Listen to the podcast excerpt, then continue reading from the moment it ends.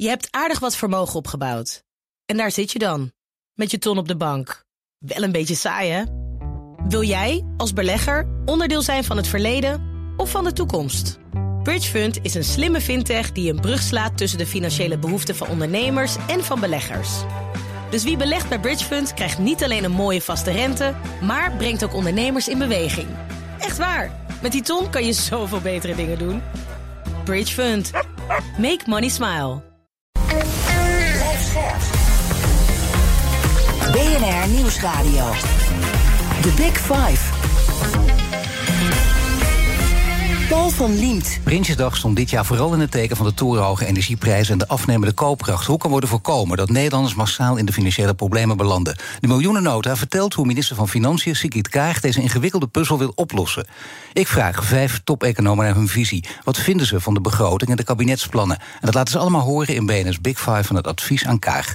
En vandaag is primus inter pares Zweden van Wijnbergen bij mij. Is uh, econoom, uh, altijd verbonden aan de Universiteit van Amsterdam, waar hij nog uh, heel veel onderzoek voor verricht. En sinds een aantal maanden dus met emeritaat. Bovendien is hij onafhankelijk adviseur van de Nederlandse Bank. En voormalig secretaris-generaal op het ministerie van Economische Zaken. Nog veel meer, maar dit is een korte samenvatting. Welkom. Welkom. Ja, nou, we hebben elkaar vaak gesproken. Gelukkig weer een keer. En we hebben lekker een uur de tijd. Dat is ook heel prettig. Dus het wordt ook tutoyeren. Voordat ik met je ga hebben over de plannen die zijn gepresenteerd op Prinsjesdag... wil ik eerst twee dingen van je weten. De eerste is, komt het kabinet op het juiste moment met alle maatregelen? Nou, ik denk dat het idee dat die kritiek dat ze te laat zijn, is een beetje overdreven. Um, want die energiecrisis, ja, die prijzen zijn uh, werkelijk. Hè, die, die, ja, Rusland heeft nou eenmaal die gaskraan dichtgedraaid. En dat heeft gevolgen voor die gasmarkt. Voor de andere, voor kolen en, en olie valt het wel mee. Maar veel mensen zitten nog onder die lange contracten. En dat gaat nu, Eneco denkt dat zo rond december 90% van de mensen wel nieuwe contracten heeft. En nou komen ze wat dat betreft eigenlijk net op tijd. Ik vind die kritiek dat ze veel te laat zijn, die valt mee. Nee, we hadden aangekondigd dat het een heel kritische verhaal. Maar dit voorlopig is dit eventjes nou een heel ja, rustige startschot. Soms moet je aandacht aan de feiten besteden. ja, die, laten we dat vooral blijven doen. Het merendeel van de mensen heeft ofwel uh, een vaste prijscontract. Nou, die hebben mazzel, die krijgen het echt goedkoop. Ofwel ze hebben een vaste betaling, krijgen een eindafrekening. En die komt deze maand, de volgende maand oktober, november, december. Dus de klappen komen de komende paar maanden. Ja, die, die prijsregeling komt ook net die tijd. En dan de tweede. President van de Nederlandse Bank, uh, Klaas Knot, die noemde jou toen je de, de Pearson-penning kreeg in 2020 als een eervolle oeuvreprijs. Over, over het, hij zei het ook, hè, subliem samenvoegen van theorie en beleid. Hij zegt. Uh, wat ik, wat ik toch even kwijt wil in drie woorden. Zweden van Wijnberg is een excellente lastpak. Is dat een goede, is een goede typering of niet? Nou, hij heeft desalniettemin met die prijs uitgereikt. Dus. ja. dus hij vond het eminente belangrijker dan en het, het lastpak. gehad om een excellente lastpak daar neer te zetten... als onafhankelijk adviseur van de Nederlandse Bank. Ja, ik denk dat hij af en toe iemand wil die zich geen zorgen maakt over zijn carrière... en gewoon zegt dat hij het ergens niet mee eens is. Dat is als jij een, een DNB-employé bent, dan heb je daar soms wat lef voor nodig. Van, nou ja, durf ik mijn baas wel te zeggen dat hij hier er helemaal naast zit. Nou, in dit geval, Knots zou daar geen probleem mee hebben... maar dat weet je natuurlijk nooit zeker als je een werknemer bent. Nee, dus, maar we gaan ervan uit dat het allemaal door kan gaan... en dat we dat ook gaan merken tijdens dit gesprek natuurlijk ook. Uh, excellente lastpak. Historisch noemt het kabinet deze miljoenennota. Dat soort etiketten worden er heel snel opgeplakt. Is dat wel een terechte? Uh, historisch slecht, ja. ja. Je moet echt terug naar de dagen van Wouter Bos om dezelfde soort fouten te zien. Zo erg. De kennis van Zweden van Wijnbergen weten. Ja. Dat, ja, je bent echt een enorme criticus van Wouter Bos. Nou ja, die deed eigenlijk hetzelfde. Dat is uh, die in paniek uh, allerlei tijdelijke inkomsten gebruiken om permanente uitgaven te dekken. Alle problemen een beetje wegvegen van lossen we morgen op. En toen bleek morgen erger te zijn dan vandaag. En toen was hij ineens had hij een, een, een budgetverslechtering die groter was dan wat er in Griekenland toen gebeurde. Sigrid Kaag gaat denk ik diezelfde kant op. Ja, ze presenteren het natuurlijk als dat gigantische koopkrachtpakket van 17 miljard euro, waar heel veel dingen uit te halen zijn. Maar wat springt eruit? Wat is echt in het oog springend? Ja, er zit iets, iets heel inconsistents in. In feite zeg je, je zegt, ik wil de gevolgen van inflatie bestrijden. En dat doe je door iets wat inflatie bevordert. Want er zit natuurlijk een enorme koopkrachtinjectie te geven. Precies terwijl de economie al lang uh, ja, roodgloeiend is. We hebben een bovengemiddeld. We zijn de snelste groeier binnen de Europese Unie. Vanochtend weer in de krant over de hele arbeidsmarkt. Overal tekorten.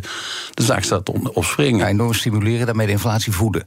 Ja, als jij heel erg de vraag aan, aanjaagt terwijl het aanbod er niet is, ja, dan, dan gaan die prijzen de lucht in. En dat is wat je ook nu ziet. Je ziet dat de inflatie in Nederland harder gaat dan in de rest van de eurozone. Uh, en dat wordt gevoed met dit. Uh, met dit uh, budget. Ja, het tweede grote probleem is natuurlijk dat ze eigenlijk ongelooflijk veel risico naar toekomstige belastingbetalers schuift. Want ja, ja, als je op de piek van de cyclus al een tekort hebt van minstens drie, waarschijnlijk een stuk groter als de Kamer klaar is met zijn MKB-hulpplannen, dan heb je 3, 4 procent op de piek van de cyclus. Nou, kijk eens wat er gebeurt als er morgen min 3 in plaats van plus 3 groei uitkomt. dan, uh, dan heb je het over tekorten van 6, 7 procent. En dan is alle vrome bijbelverhalen van Sigrid Kaag... dat dat stabiliteitspact zo vreselijk belangrijk is... en Italië moet er aan gaan houden. Ja, dan mag het zelf gaan doen. Daar gaan we het zeker ook nog over hebben. Maar ze legt zelf graag daarna op een ander vroom verhaal. Namelijk eh, dat uh, de koopkracht onder druk staat. Met name voor uh, veel mensen in armoede. En door dit pakket zeggen ze. Honderdduizenden mensen minder in armoede. Het CPB voor zover mogelijk heeft al proberen te berekenen. En die zeggen nou dat is waar. Komt de compensatie nu bij de juiste mensen terecht? Of kun je dat gewoon nog niet zeggen op basis van wat we nu weten? Nou, dit, dit is een, echt een groot klassiek. Twee opmerkingen vanuit mijn eigen achtergrond in armoedebeleid in de Wereldbanktijd. Ten eerste structurele oplossing van armoede doe je niet door mensen geld geven, maar door mensen aan het werk te krijgen. Uh, het, uh, Amartya Sen is een beroemde econoom, Harvard-econoom, die zei het het gaat om earning capacity. Dus je moet ze zo ver zien te krijgen dat ze niet van jou van steun afhankelijk zijn, want die steun ja, die kan de volgende keer niet zijn. Dus het is geen, zeker geen structurele oplossing. En tweede is ja, die energie. Ja, uh, arme mensen in slechte, geïsoleerde huurhuizen, die hebben hier niks aan. Um, nee, het is niet goed gefocust al ben ik een beetje aarzelend met die kritiek. Want als je wel heel goed focust, dan zeggen je gaat echt precies kijken hoeveel inkomen heb je en dan krijg je en daarboven krijg je niks. Ja, dan, dan eh, heeft dat hele onaangename gevolgen. Namelijk als die mensen dan wel een baan krijgen en iets meer gaan verdienen, dan raken ze al die subsidies kwijt en gaan ze er net op achteruit. Dus het is. Er zit een enorm conflict tussen een goed lopende arbeidsmarkt aan de ene kant en mensen armoede echt helpen precies degene die arm zijn. Dat maar ja, wat zou je dan moeten doen? Welke kant, wat, op welke knop zou je hier wel moeten drukken? Want dit is precies waar het, waar het knelt en waar het ook echt lastig is. Nou, de enige echte manier om armoede aan te pakken is zorgen dat mensen zelfredzamer worden. Dat is dus een, een, een, eh, een arbeidsmarkthervorming, door mensen meer, naar, meer die arbeidsmarkt ingetrokken worden. Uh, onderwijsinvesteringen, uh, de structurele oorzaken van, van zeg maar hogere werkeloosheid bij bijvoorbeeld allochtonen. Die hebben veel te maken met taalachterstanden. Die beginnen al heel laag uh, van voor. Dat, zijn de, dat is een structureel armoedebeleid. Dan gaan we nu praten over, over de energiemarkt, waar we het even over hadden. Want uh, mijn gasten stellen elkaar vragen via de kettingvraag. En er komt nu een vraag voor jou. Dat is uh, de vorige aflevering was hier econoom Barbara Baarsma. En zal deze vraag. Zweder, de energieprijzen die stijgen in Nederland harder dan in andere Europese landen. En dat komt zeggen sommige mensen in de media door de liberalisering van de energiesector in de jaren 90. Jij was destijds een van de architecten van wat heet de MDW-operatie, de Marktwerking, Deregulerings- en Wetgevingskwaliteit-operatie, waar de liberalisering van de energiesector onderdeel van was. Zou jij met de kennis van nu de energiemarkt anders geordend hebben? Of denk je dat uh, de huidige ordening niet de hoofdoorzaak is van die wat snellere energieprijsstijging in Nederland ten opzichte van andere landen? Nou, dat is een goede vraag. Ja, en ook een heel duidelijk antwoord.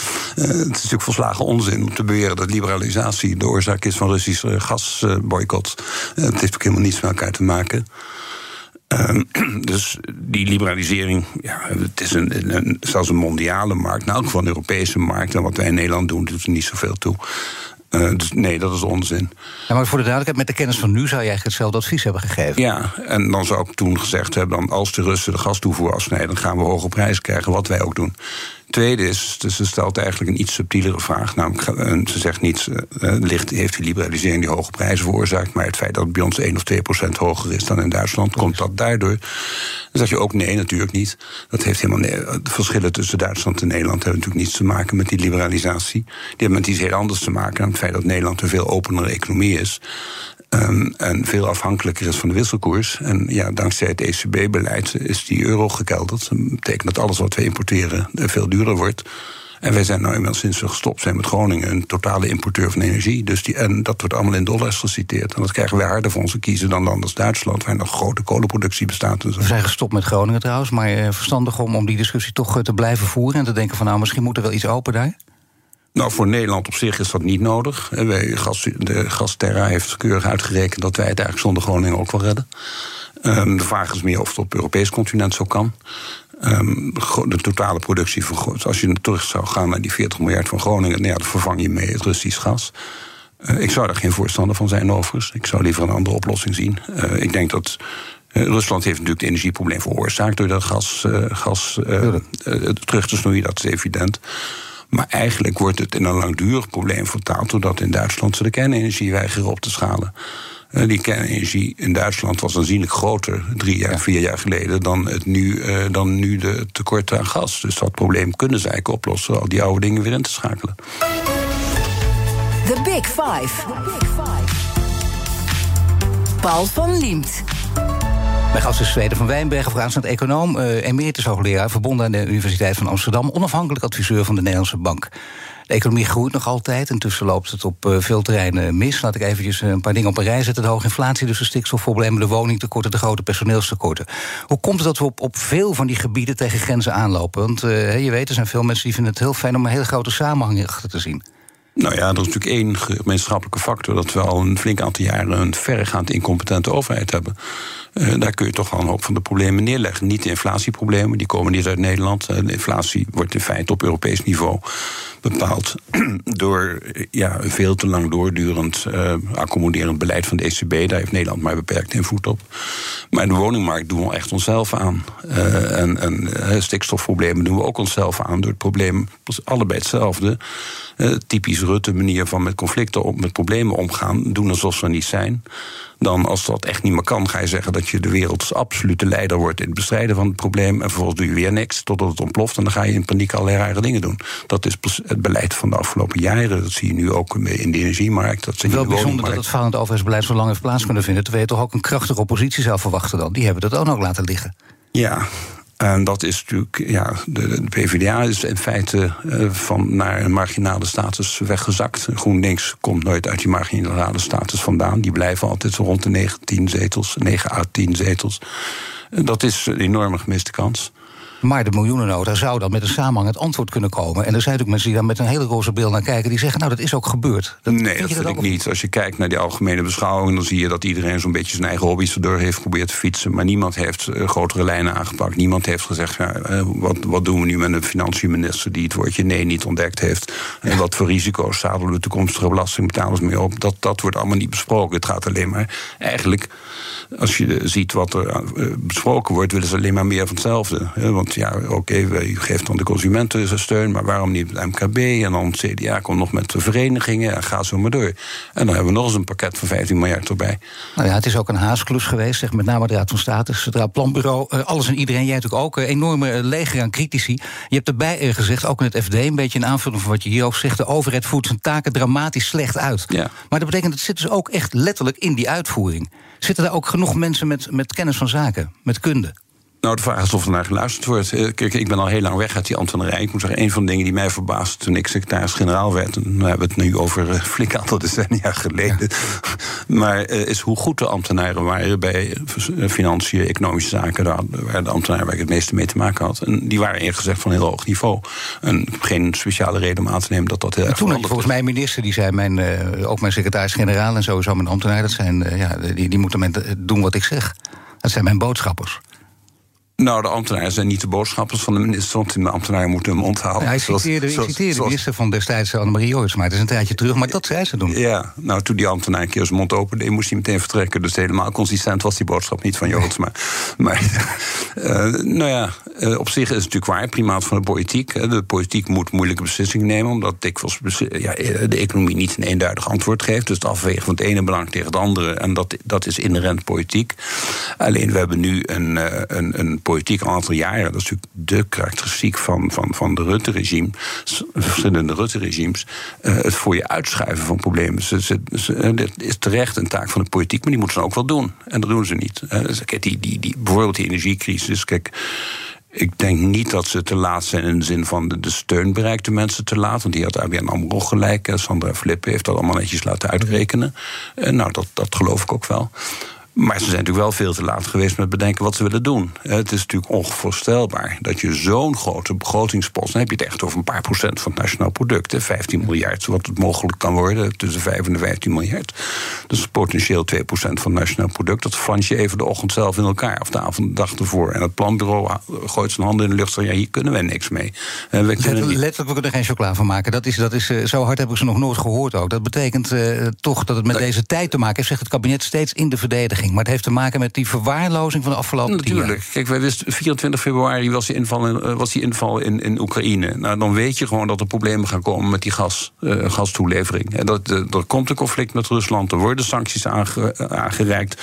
Ja, als Poetin zijn euro's niet kan krijgen, dan gaat hij zeggen: dan wil ik in robbels betaald worden. Maar wij kunnen niet in robbels betalen, want dan hebben we transacties met de centrale bank die weer onder sancties staat. Dan gaan ze maar door. Dat hadden we allemaal aan kunnen zien komen. Dat, dat is allemaal besproken in maart en april. En dan gaan ze maandag voor de dinsdag gaan ze nog eens even denken: oh god, ik moet hier iets aan doen. Ze ja, ja, kom. Nou ja, je kunt wel kijken naar wat andere landen doen. Dat gebeurt dan ook voortdurend, want dat is wel zo reëel mogelijk. Je bent toch een klein land, uh, ja, hand op de rug op een aantal gebieden. Maar je kunt ook zien wat andere landen doen die ook problemen hebben, die wel vooruitlopen. Welke landen doen het dan veel beter? Met andere woorden, waar kunnen wij een voorbeeld aan nemen? Nou, om te beginnen, uh, handen op de rug valt best mee. Uh, dat verhaal dat ze niet eerder konden beslissen omdat ze niet wisten wat Brussel zou doen. Dan zou ik zeggen, had Brussel het wat eerder gevraagd. Bovendien gaat Brussel niet. Dat moesten ze ook op gênante wijze terugnemen? Ja, dat klopt ook helemaal niet. Uh, dat weet, de insiders stellen je dat ook. Dat heeft in de debatten daarvoor ook helemaal niet gespeeld. Dat is gewoon een verzinsel. En Brussel gaat over mededingingsbeleid en staatssteun naar bedrijven en niet naar consumenten. Uh, er zijn grenzen aan wat je mag doen. Het BTW heeft een minimum- en maximumtarief, maar er zit heel veel speelruimte. Nee, maar het helpt ook niet aan het vertrouwen dat, uh, los van de insiders, ze weten het zelf nu ook en de boodschap is doorgedrongen. En ze moeten daarvoor dus ook zeggen: ja, sorry dat we dat weer gedaan hebben. Dat is echt maar, wel. dat kan toch geen verrassing zijn? Het helpt niet om te, openlijk liegen is niet vertrouwenwekkend. Nee, natuurlijk niet. En openlijk liegen is een beetje het handelsmerk van Rutte. Ja, op een gegeven moment krijg je dat voor je kiezen. Maar dat, houdt, dat is nog verbazingwekkend als je openlijk loopt te liegen en je doet dat twaalf jaar lang. En dat, dat, dat, ja, die man gewoon blijft toch heel hoog in de peilingen. Bovendien de oppositie uh, een beetje. Uh, ja, wat kan ik ervan zeggen? Ik heb niet om hem gestemd. dat oh, toch niet? Op nee, heb je wel gestemd? Dat zou je niet verbazen. Nee. Nou, ik kom heel traditioneel uit een sociaal-democratische hoek. Dus dat gaat zo'n beetje heen en weer tussen GroenLinks, PvdA, af en toe D66. Alleen is dat wel een partij die helaas ook uh, allerlei falende ministers in, uh, in, in, het zadel helpt. Dus daar ben ik ook maar weer. Uh, nou, want dit, heel, dit, gaat dus over advies aan Kaag, dus je hebt zeker niet op Kaag gestemd. Nee, hoewel toen Kaag kwam, uh, leek ze eigenlijk best een goede start te hebben. Ze had een, vond ik een uitstekend discussie met Geert Wilders. Daar wist ze toch uh, stevig van zich af te bijten en toch Geert Wilders uh, behoorlijk in de hoek te zetten. Dat vond ik best goed. Het blijkt alleen dat dat het enige is wat ze kan. Uh, op heel hoog abstract niveau, hele verstandige wijze, hele redelijke dingen zegt. Dat is heel goed. Ze heeft allemaal goede ja. bedoelingen. En daarna hebt er belangstelling weg en doet ze het werk niet meer. Dat is wat er nu gebeurt. Dus dan is het toch de verkeerde vrouw, de verkeerde plaats ook vooral. Nou ja, het is Misschien wat de goede vrouw de verkeerde plaats. Het omgekeerde van Gerrit Salm. Gerrit Salm was iemand, ook een uniek geval destijds. Die heb ik nog meegemaakt. En dat was iemand die zijn ambtenaren briefde in plaats van omgekeerd. Ja. Uh, die, die, die, wist werkelijk alles. En was ook geïnteresseerd. Die vond het leuk. Ja. Uh, nou, zij is precies tegenovergestelde. Nou ja, als we dan even een schaal maken van, van deze mensen. Uh, Jeroen de Hesselbloem niet te vergeten. Uh, Wouter Bos, uh, al deze ministers op elkaar. Zalm, op, wat, op een schaal van 1 tot 10. Waar staat Annemarie en uh, Joris, maar mag eigenlijk niet bij te zitten op economische zaken. Maar al die ministers van Financiën op een rij. Waar zou je dan. Ik denk waar zou je Kaag plaatsen? Ik denk dat ze behoorlijk laag gaat eindigen. Um, wat ik werkelijk uh, stuitend vind, is dat je zo'n baan neemt waar je evident niet geïnteresseerd bent in het uitoefenen van die baan. En dan puur alleen uit machtspolitieke redenen. Maar daarvoor is die baan te belangrijk. De financiënminister is toch degene die moet zorgen dat de zaak niet uit de hand loopt. Nou, dat is ze nu wel aan het doen. Kijk, die op zich, die 3% tekort die er nu aan zit te komen, dat zal Nederland niet in een afstand storten. Maar er wordt nu toch wel heel breed verwacht. Nou, nu die inflatie maar doorgaat en, en budgetair beleid die inflatie aanwakkert, dat die centrale banken hard moeten gaan ingrijpen. Dat is bijna onvermijdelijk. Um, de ECB gaat dat natuurlijk wat interne conflicten krijgen. Maar goed, dan, dan, dan, dan is de kans dat je een recessie krijgt behoorlijk groot. Ja, als jij een recessie ingaat met een tekort wat drie mogelijkerwijs met al die extra plannen 4% minstens is. En daarna een recessie eroverheen, dan heb je het over tekorten die groter zijn dan uit de tijd van Wouter Bos. En nou blijft één vraag voor mij nog steeds hangen, namelijk met deze hele mooie omweg. Uh, welke landen doen het beter dan Nederland? Dus waar kunnen we echt een voorbeeld aan nemen? Nou, je ziet overigens, dan moet ik wel zeggen dat in Europa dit soort. Een aantal landen zijn eerder. Hè, landen als Frankrijk zijn eerder. Um, Nederland staat redelijk hoog in termen van ongedekte uitgaven doen. Engeland is de koploper. Die, heeft twee, die besteedt twee keer zoveel aan als Nederland. Die is op 6% van nationaal product. Nederland rond de 3. Dat zit ze als nummer 2 binnen de, binnen de Europese Unie plus Engeland. Engeland is natuurlijk geen Europese Unie meer. Um, er zijn nog wat landen die wat dat betreft iets voorzichtiger doen. Maar er is eigenlijk breed in Europa paniek. Maandag is, uh, maandag is viroloog Marjolein Kikker te gast in een nieuwe week met het thema corona en perspectief. Abonneer je op onze podcast via je favoriete podcastkanaal om geen aflevering te missen. Nou ja, er is uh, grote, brede paniek in Europa. Er zijn stevige uitspraken. En hoe moet het dan verder? Daar praat ik zo meteen over door met Zweden van Wijnbergen. En ook natuurlijk over het beleid van de centrale banken. Blijf luisteren. Je hebt aardig wat vermogen opgebouwd. En daar zit je dan, met je ton op de bank. Wel een beetje saai, hè? Wil jij, als belegger, onderdeel zijn van het verleden of van de toekomst? Bridgefund is een slimme fintech die een brug slaat tussen de financiële behoeften van ondernemers en van beleggers. Dus wie belegt bij Bridgefund krijgt niet alleen een mooie vaste rente, maar brengt ook ondernemers in beweging. Echt waar, met die ton kan je zoveel betere dingen doen. Bridgefund. Make money smile. Duik mee in de wereld van ESG. Dit seizoen verkennen we hoe bedrijven hun strategieën rond duurzaamheid vormgeven. Ontdek de nieuwste innovaties in energietransitie en de impact van waterstof. Wie zijn de ware koplopers in duurzaamheid? Ik ben Donatello Piras, presentator en samen met Roetoei brengen we koplopers in ESG. Elke maandag om twee uur te horen op BNR Nieuwsradio. Dit programma wordt mede mogelijk gemaakt door Missie H2. Samen maken we Nederland het waterstofland in 2030.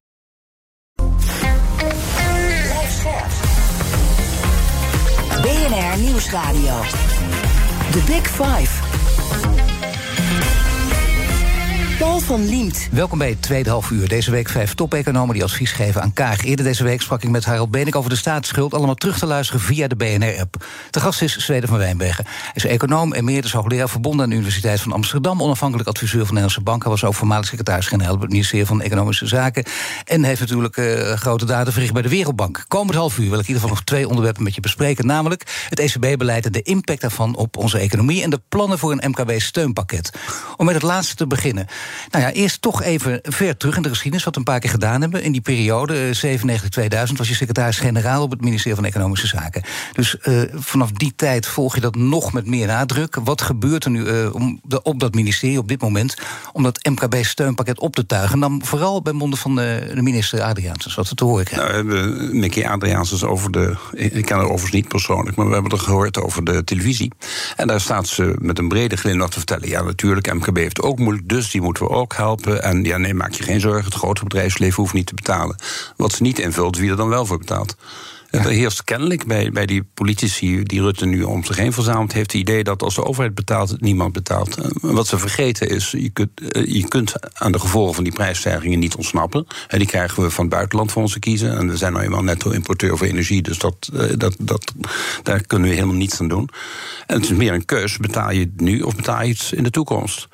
En massale tekorten betekent dat je het allemaal naar toekomstige belastingbetalers schuift. En dat, dat zou als hele grote bedragen uh, kunnen gaan worden. Nou, we weten nu al, de financiën schat het pakket voor consumenten tussen de 5 en 15 miljard.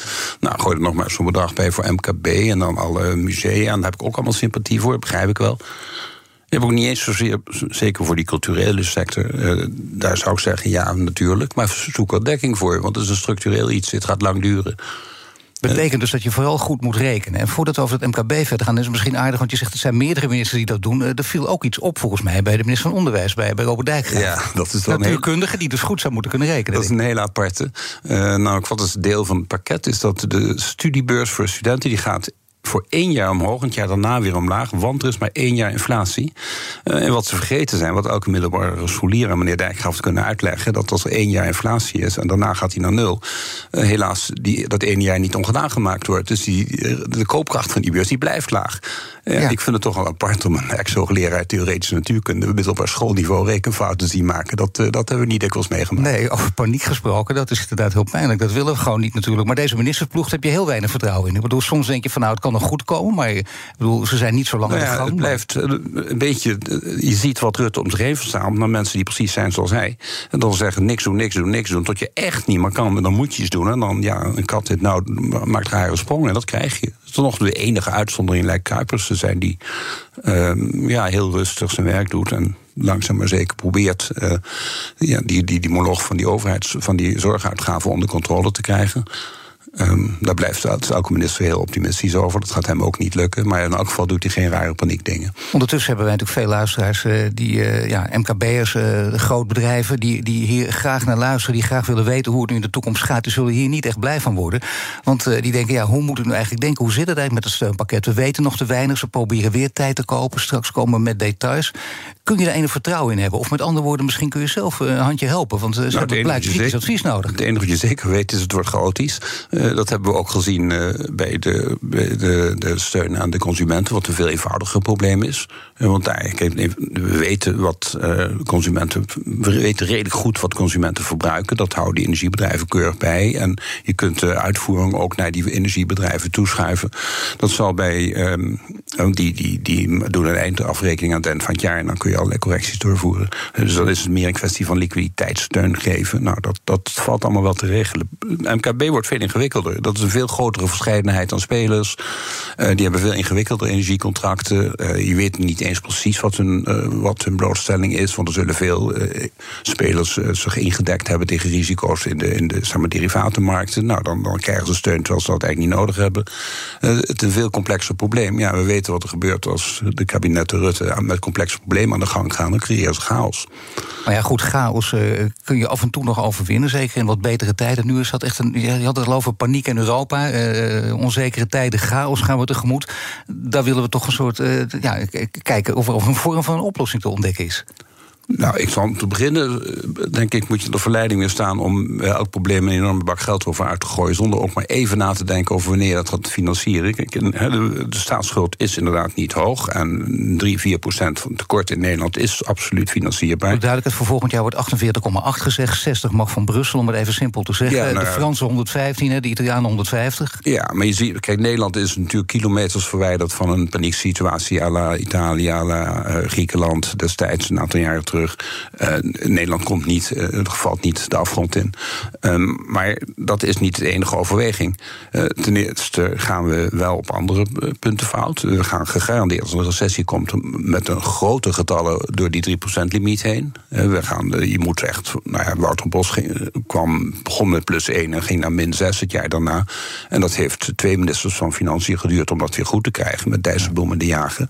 Die situatie gaan we nu waarschijnlijk weer krijgen. Als er volgend jaar of het, eind volgend jaar een recessie zou komen, dan, dan, ja, dan ontploft die begroting natuurlijk. Eh, die- Je zegt sowieso voor eind volgend jaar. Is, voorspellen blijft lastig, maar eind volgend jaar, dat is bijna zeker. Ja, dat is, wordt steeds waarschijnlijker. En naarmate de, de budgetair beleid, vooral in Europa, maar eigenlijk ook in Amerika, eh, maar blijft stimuleren in, terwijl er een aanbodschok is. Je moet dus niet vraag stimuleren, maar het aanbod stimuleren, dat doen ze niet. Ze stimuleren de vraag. Eh, ja, dat jaagt inflatie op. Eh, en ja, dat vervolgens moeten zitten al die centrale banken met een mandaat van we moeten het op of rond de 2% houden. Ja, die gaan een keer dat mandaat serieus nemen. En dan, ja, hoe harder je aan de ene kant duwt, hoe harder je aan de andere kant moet trekken. Daar wil ik straks nog wat uitgebreid over de ECB doorgaan. Maar eerst nog even waar we over begonnen, namelijk het MKB. Met name de kleine MKB'ers die geraakt worden. Ondertussen zegt bijvoorbeeld Arnoud Boot, ook hier in de uitzending... eh, de hoge energierekening, eh, om dat nou als ondernemersrisico te zien... zo moet je dat doen, want de bedrijven houden veel te snel hun hand op. Die zijn via corona daar wel erg aan gewend geraakt. Ja, die, die, die subsidieverslaving creëer je natuurlijk elke keer toe te geven. Ehm, ja, ik vind er wel iets voor te zeggen. Ehm, dit is ondernemersrisico en ik neem aan, er zijn ook mogelijkheden om dat risico eh, van je af te schuiven. Je kunt, eh, er is een uitvoerige derivatenmarkt en je kunt ervoor zorgen, je zegt van ik wil het risico niet lopen, nou dan koop ik het af. Dat kan. En dat is niet eens zo verschrikkelijk duur. Dat is een hele grote markt en er zijn veel spelers die dat risico best wel willen overnemen. Dan betaal je risicopremie voor. Eh, dat kan. Eh, ja, als ze dat niet doen, dan hebben ze het zelf opgezocht. Ja, toch wordt dat niet eens geopperd, hè, wat je nu zegt. Bijna voor de vuist weg, heb je over nagedacht. Maar toch, dat plan wordt niet eens geopperd. Daar wordt geen discussie Nou over. ja, het is nu een beetje laat. Dus Ja, nee, maar dat is- als, als die prijs nou eenmaal heel hoog is, kun je niet vervolgens zeggen: kan ik even de, de klok een jaartje terugdraaien? Natuurlijk, en maar je een hebt het heel lang zien aankomen. Nee, zeker, maar je hebt heel lang eh, zien aankomen. Dat is dan Dat, toch ja. ook een soort buffet van onvermogen, of niet? Ik bedoel, dat je dat niet voor elkaar Ja. weten te krijgen. Ja, dat, dat is zo inderdaad. Um, als men massaal die markt in zou duiken, dan, dan kunnen daar ook best problemen ontstaan. Als iedereen in de markt dezelfde kant op wil, dan ja, wat is dan de andere kant? Maar dat wordt meestal via prijsaanpassingen opgelost. Uh, je ziet dat mensen echt weinig weten van hoe die, uh, hoe die derivatenmarkten werken en wat je ermee kan doen. En daar had best wat meer voorlichting over kunnen komen. We ja, daar net... komt er steeds op neer. Dat, ja, we hoorden het. Nou, we hoorden net vlak voordat je begon met uitzenden mevrouw van Nieuwenhuizen, die een chaotisch verhaal hield, waar ze werkelijk alles door elkaar haalde. Die snapt dus duidelijk, hoewel ze de lobbyist van de energiewereld is, ook geen, van geen kant hoe, eh, wat futuresmarkten doen, wat derivatenmarkten doen, hoe ze werken. Die haalden uh, langlopende contracten door de war met margin calls. En het was één grote chaos, dat verhaal. Nou, dat suggereert dat hier wel een voorlichtingstaakje ligt. Want in principe kunnen financiële markten je helpen. Als je zegt van ik ben een kleine ondernemer, ik kan dit risico gewoon niet aan, dat is denkbaar. Want je hebt natuurlijk uh, lastiger toegang tot financiering dan een grote ondernemer heeft.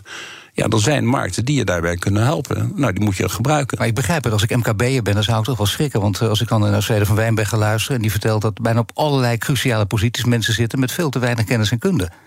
Ja, dan moeten ze misschien anders gaan stemmen. Het, nou, het zijn er nogal veel, ook uit, uit verschillende. Uh, ja, het is, het is, het is verschillende partijen zelfs. Het is pijnlijk. Um, maar ja, dat is toch een beetje. Uh, ik werd een tijd geleden een keer ergens gevraagd van noem eens één ding waar Rutte in uitblinkt. Zeg ik, nou, in, eigenlijk in niks.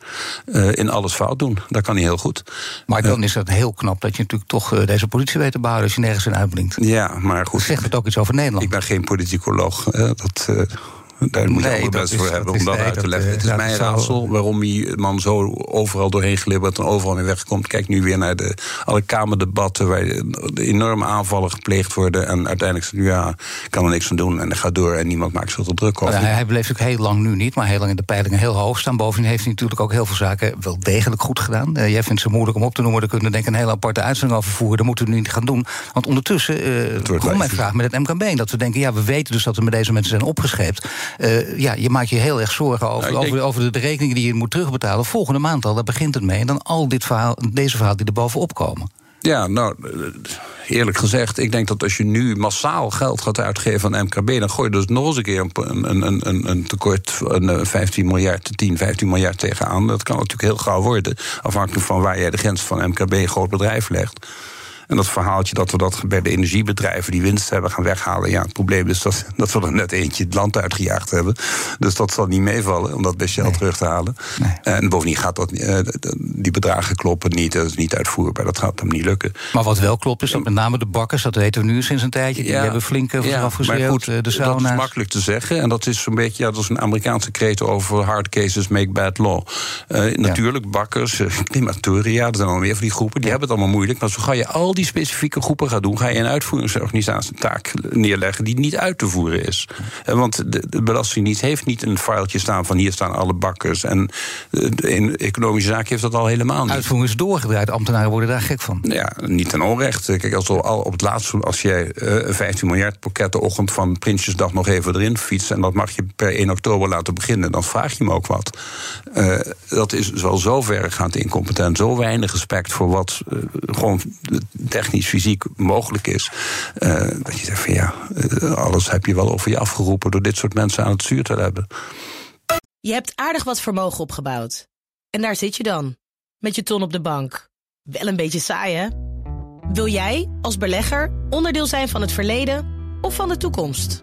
Bridgefund is een slimme fintech die een brug slaat tussen de financiële behoeften van ondernemers en van beleggers. Dus wie belegt bij Bridgefund krijgt niet alleen een mooie vaste rente, maar brengt ook ondernemers in beweging. Echt waar. Met die ton kan je zoveel betere dingen doen. Bridgefund. Make money smile. Duik mee in de wereld van ESG.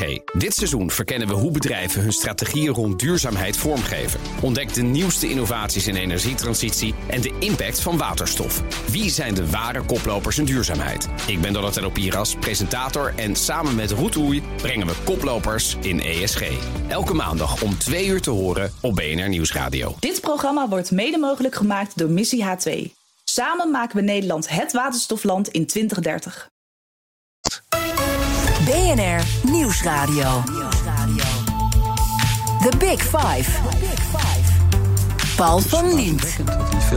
Je luistert naar BNS Big Five van advies aan KG. Je hoort al Zweden van Wijnbergen, want die zit echt te popelen natuurlijk. We hebben, niet zo, we hebben echt maar, maar een uurtje, veel te weinig. Eerder deze week sprak ik met Barbara Baarsma. Toen ging het over duurzame economische groei. Terug te luisteren via bnr.nl. Mijn gast dus Zweden van Wijnbergen. Emeritus hoogleraar aan de Universiteit van Amsterdam... waar hij nog steeds veel onderzoek voor verricht... en onafhankelijk adviseur van de Nederlandse Bank.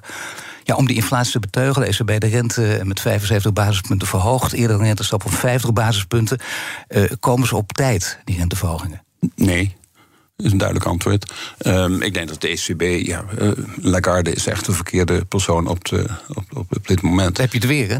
Ja, kijk, we hadden natuurlijk een, een, een, uitschieter daarvoor. Uh, Draghi, de, de, de, de, centrale bankbazen daarvoor. Dat waren iets kleurlozer met Trichet en een Duisenberg. Nou, Draghi was natuurlijk een uitermate aparte figuur. Die ik ook overigens bij de Wereldbank heb meegemaakt.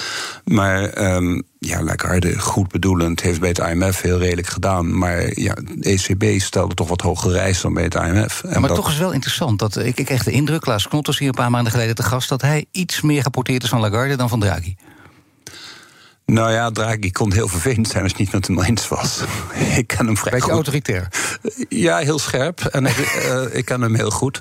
Ja. Uh, want hij was uh, de Italiaanse executive director... toen ik bij de Wereldbank een Mexicaanse schuldenpakket er doorheen moest loodsen. Toen stond ik ook elke week ongeveer bij die boord. En ja, hij, hij staat de professor te spelen. Hè. En ik moet zeggen, af en toe legde ik dan eens uit dat hij het fout had. Dan zat Larry Summers achter in de zaal, die lastig helemaal suf. Wauw, iemand vertelt maar hoe Draghi dat hij het fout heeft. Dat vond hij ook helemaal niks. Maar zo gaat hij ook in, uh, ging hij ook in Frankfurt. Hè. Hij vindt zichzelf, uh, maar hij is helemaal niet geïnteresseerd wat andere mensen denken. Hij weet het allemaal. Nou, nee, dus dat is minder goed luisteren. Maar aan de andere kant, de, hij had wel in de omgang. Maar je bedoelt qua, qua, als je gewoon kijkt naar de functie, degene, de functionaris nou ja, die doet, doet, was natuurlijk een wat arrogante figuur. Maar ja, hij was wel slim. Uh, Lagarde kwam met ik ga luisteren. En vervolgens komt er conflicterend advies en doet ze niks. He, dat zat natuurlijk heel lang een linker en een rechtervleugel in de ECB.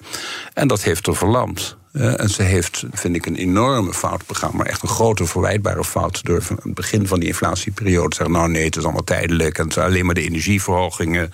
En als die energieprijzen, ja, die gaan niet eeuwig door. En als die stoppen, dan, dan houdt die inflatie op. Dus we hoeven niks te doen. Die voorspelden voor dit jaar, het eind van dit jaar al 2% Nou, daar zat ze een factor 5 naast. Ja. Uh, voor drie. En het apart is, als je die voorspellingen van. Overigens niet alleen de ECB, maar ja, Bank of England doet hetzelfde. Als je die voorspellingen ziet, zie je het telkens tijdelijk en dan weer omlaag. Oh, dat is niet gebeurd. Nou, dan schuiven we het een beetje naar voren. Maar ze blijven het patroon hebben. En wat ze niet doorhebben, en dat vind ik toch wel vooruit bij. Is energieprijzen kunnen een inflatieproces op gang brengen, maar die houden het niet in stand. Wat het in stand houdt, is accommoderend beleid van die ECB. Zoals zelf degene die er eigen voorspellingen onderuit haalde. Ja. En dat heeft ze helemaal niet doorgehaald. Nee, en verder diep moeten nadenken natuurlijk over de oorzaak van de groeivertraging. En, en, en dat moet je dan ook heel goed kunnen inschatten. Nou ja, je moet, ja, maar iedereen wist dat eigenlijk wel. Ik bedoel, het is voorpagina nieuws dat die Russen de, de, uh, de gastoevoer afdraaien. Ja. Corona wisten we ook. Een lockdown is een aanbodzijde schok. Je, je moet dan op tijd weten en maatregelen nemen. Dat is ja. het tweede. En de goede maatregelen. Kijk, ze hebben geen. De ECB heel lang, Philip Leen is daar de Nou, en die heeft eigenlijk, dat is eigenlijk een beetje de Rasputin van, van, van Lagarde. De man met het achtergrondadvies wat niemand hoort. Maar die, die ziet geen verschil tussen aanbod en, en, en, en vraagschokken. Dus die zegt van ja, we hebben eerst al een aanbodschok gehad. We kunnen niet nog eens een keer restrictief vraagbeleid voeren. Zeg, dat is juist wat je wel moet doen. Als het aanbod omlaag is, is dus zelfs als het de vraag niet verandert, die vraag dus toch te hoog, want die is hoger dan het aanbod. Uh, en dat, die denkfout. Maar dat is vreemd dat hij dat zo ziet, dat hij er zo tegenaan kijkt natuurlijk... omdat nou, invloedrijk is op die positie. Ja, dat is een grote denkfout die eigenlijk heel breed gemaakt is. Ze, ze zeggen, ja, ja, het is een aanbodslot... dus moeten we stimuleren, die groei vertraagt... want er wordt niet genoeg geproduceerd, gaan we meer vraag doen. Ja, dan gaat die mismatch alleen maar omhoog, want dan krijg je meer inflatie. Dat is wat je gebeurt. Los van wat wenselijk is, hoe verwacht je, wat denk je dat er nu gebeurt? Als je kijkt naar de Fed natuurlijk, die gaan ook naar, naar de vier nou, misschien wel... Powell die is altijd al voorzichtiger geweest dan Lagarde. Lagarde heeft gezegd, nee, maak je geen zorgen, ga maar rustig slapen. Het waait over. Nou, de algehele regel is, je moet ook nooit korte termijn voorspellingen doen. Dan kun je ook betrapt worden als je fout gaat. Ja. Dat natuurlijk, nou ja, ze heeft haar eigen geloof, serieuzere toon. Ze heeft haar eigen geloofwaardigheid natuurlijk helemaal om zeep geholpen daarmee. En door daar veel te lang mee door te gaan. Paul heeft al vanaf het begin gezegd, overigens Klaas Knot ook op de Nederlandse televisie. Nou, hij is er niet zo zeker van. Hij weet niet, kon wel eens tegenvallen. Dat heeft zij nooit gezegd. En dat krijgt nu voor de kiezer. De geloofwaardigheid is natuurlijk nul. En ja, dat heeft kosten. Uh, hoe minder jou, jij geloofwaardig bent als centrale bankpresident, hoe harder je in moet grijpen om toch door te dringen dat je het nu echt meet.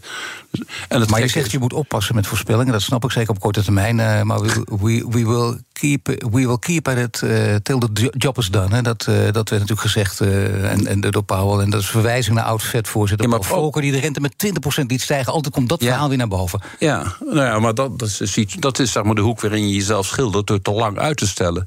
Kijk, ik vind van de 70 jaar vond ik nog enigszins begrijpelijk. Want ja, die mensen die daar toen aan het bewind waren, hadden nooit eerder zoiets meegemaakt. En zo, zo, dat was toen die olieprijs. In feite de structurele verandering was OPEC was wakker. Dat was OPEC werd toen opgericht. En die, die, die Middel-Eastern, de, de, de Midden-Oosten staten, die, werden, die realiseerden zich dat ze een monopoliepositie hadden. Was een structurele verandering naar structureel hogere prijzen. En daar heeft men ook veel te laat op zich gerealiseerd dat je daar niet met, uh, met vraagstimulering op moet reageren. Dat je dan alleen maar een hoop inflatie krijgt en je helpt die groei niet. Dat is nu ook, wat er nu ook gebeurt. Maar welke kant kan er bij de ECB opgaan? Uh, Lex Hoogden deze week die zei het is een no-brainer dat het in ieder geval naar de 3% gaat, maar het kan allemaal nog op gaan lopen. Ja, ik zou 3% laag vinden. Kijk, het idee is dat je eh, van, van anti-inflatiebeleid... dat je de rente hoger zet dan in overeenstemming met een stabiele situatie... die met lage inflatie doorduurt. Nou, niemand weet precies waar die veilige rente ligt. Dat is een mondiaal iets. Maar die zal praktisch zeker wel positief zijn. Dan zit je dus boven de 2%. En daarboven moet je gaan zitten, wil je aan de rem trekken. Als je daaronder zit, ben je nog steeds aan het En daarbij moet je in elke discussie denken... wat doet het met Zuid-Europa, met name met Italië... voor nou, dat, dat juist niet doen dat is natuurlijk het grote probleem. Ja, die, tweede onmogelijke situatie die eh, de, de, de, Europese Unie zichzelf bezorgd heeft, althans de eurozone zichzelf bezorgd heeft. Namelijk door te zeggen: we gaan blanco checks naar Italië schrijven. En ja, dat loopt natuurlijk niet. Uh, Italië heeft een, een 150 uh, eh, procent van nationaal product schuld. Nou, ik moet zeggen, ik heb vroeger met schuldherstructurering in, grote ontwikkelingen als Mexico met de countries meegewerkt. Die, daar werden schulden geherstructureerd als op 60 procent zaten. Ja.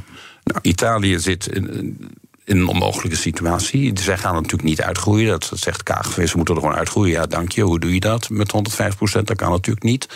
Wat heeft nu de, de ECB gezegd? Die heeft zichzelf een volslagen onmogelijke taak gesteld. Namelijk, wij gaan Italiaans, als de Italiaanse schuld, de, de rente erop uit de hand loopt, gaan we ingrijpen. Als het niet door economische factoren te verklaren is. Ja, het, is, het probleem is natuurlijk dat die uit de hand loopt, juist wel door economische factoren.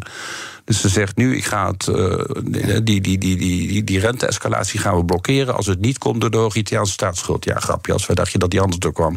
Dit waren de antwoorden. Nu komt er nog uh, één vraag die je zelf mag stellen. Want uh, mijn gasten stellen elkaar vragen via de kettingvraag. Je mag een korte, bondige vraag stellen aan de volgende gast... viroloog Marjolein Kikkert in de nieuwe week... met het thema corona en perspectief met Diana Matroos. Wat zou je aan haar willen vragen? Nou, een viroloog zou ik willen vragen. We leven nu al verrassend lang met de Omicron-variant. Die variant van de pandemie van corona, die weliswaar heel besmettelijk is, maar toch minder ernstige ziektes lijkt te veroorzaken. Betekent dit dat we in een mildere fase komen? Eh, komt er ooit nog een volgende variant en gaat die dan misschien nog besmettelijker, maar nog lagere mortaliteit leveren? En wordt het langzamerhand een soort achtergrondziekte? Of moeten we ons zorgen maken over weer een oplaaiing met drama's en, uh, ICU's die helemaal vol zitten en zo? Hartelijk dank, Zweden van Wijnberg. Econoom, voormalig uh, hoogleraar aan de Universiteit van Amsterdam... maar nog steeds emeritus en verbonden aan deze universiteit... onafhankelijk adviseur van de Nederlandse Bank... voormalig secretaris-generaal op het ministerie van Economische Zaken. Alle afleveringen van BNS Big Five zijn terug te luisteren. Abonneer je op onze podcast via onze app of je favoriete podcastkanaal... om geen aflevering te missen. En nu Conor Klerks met BNN Breekt. Dag. Je hebt aardig wat vermogen opgebouwd. En daar zit je dan, met je ton op de bank.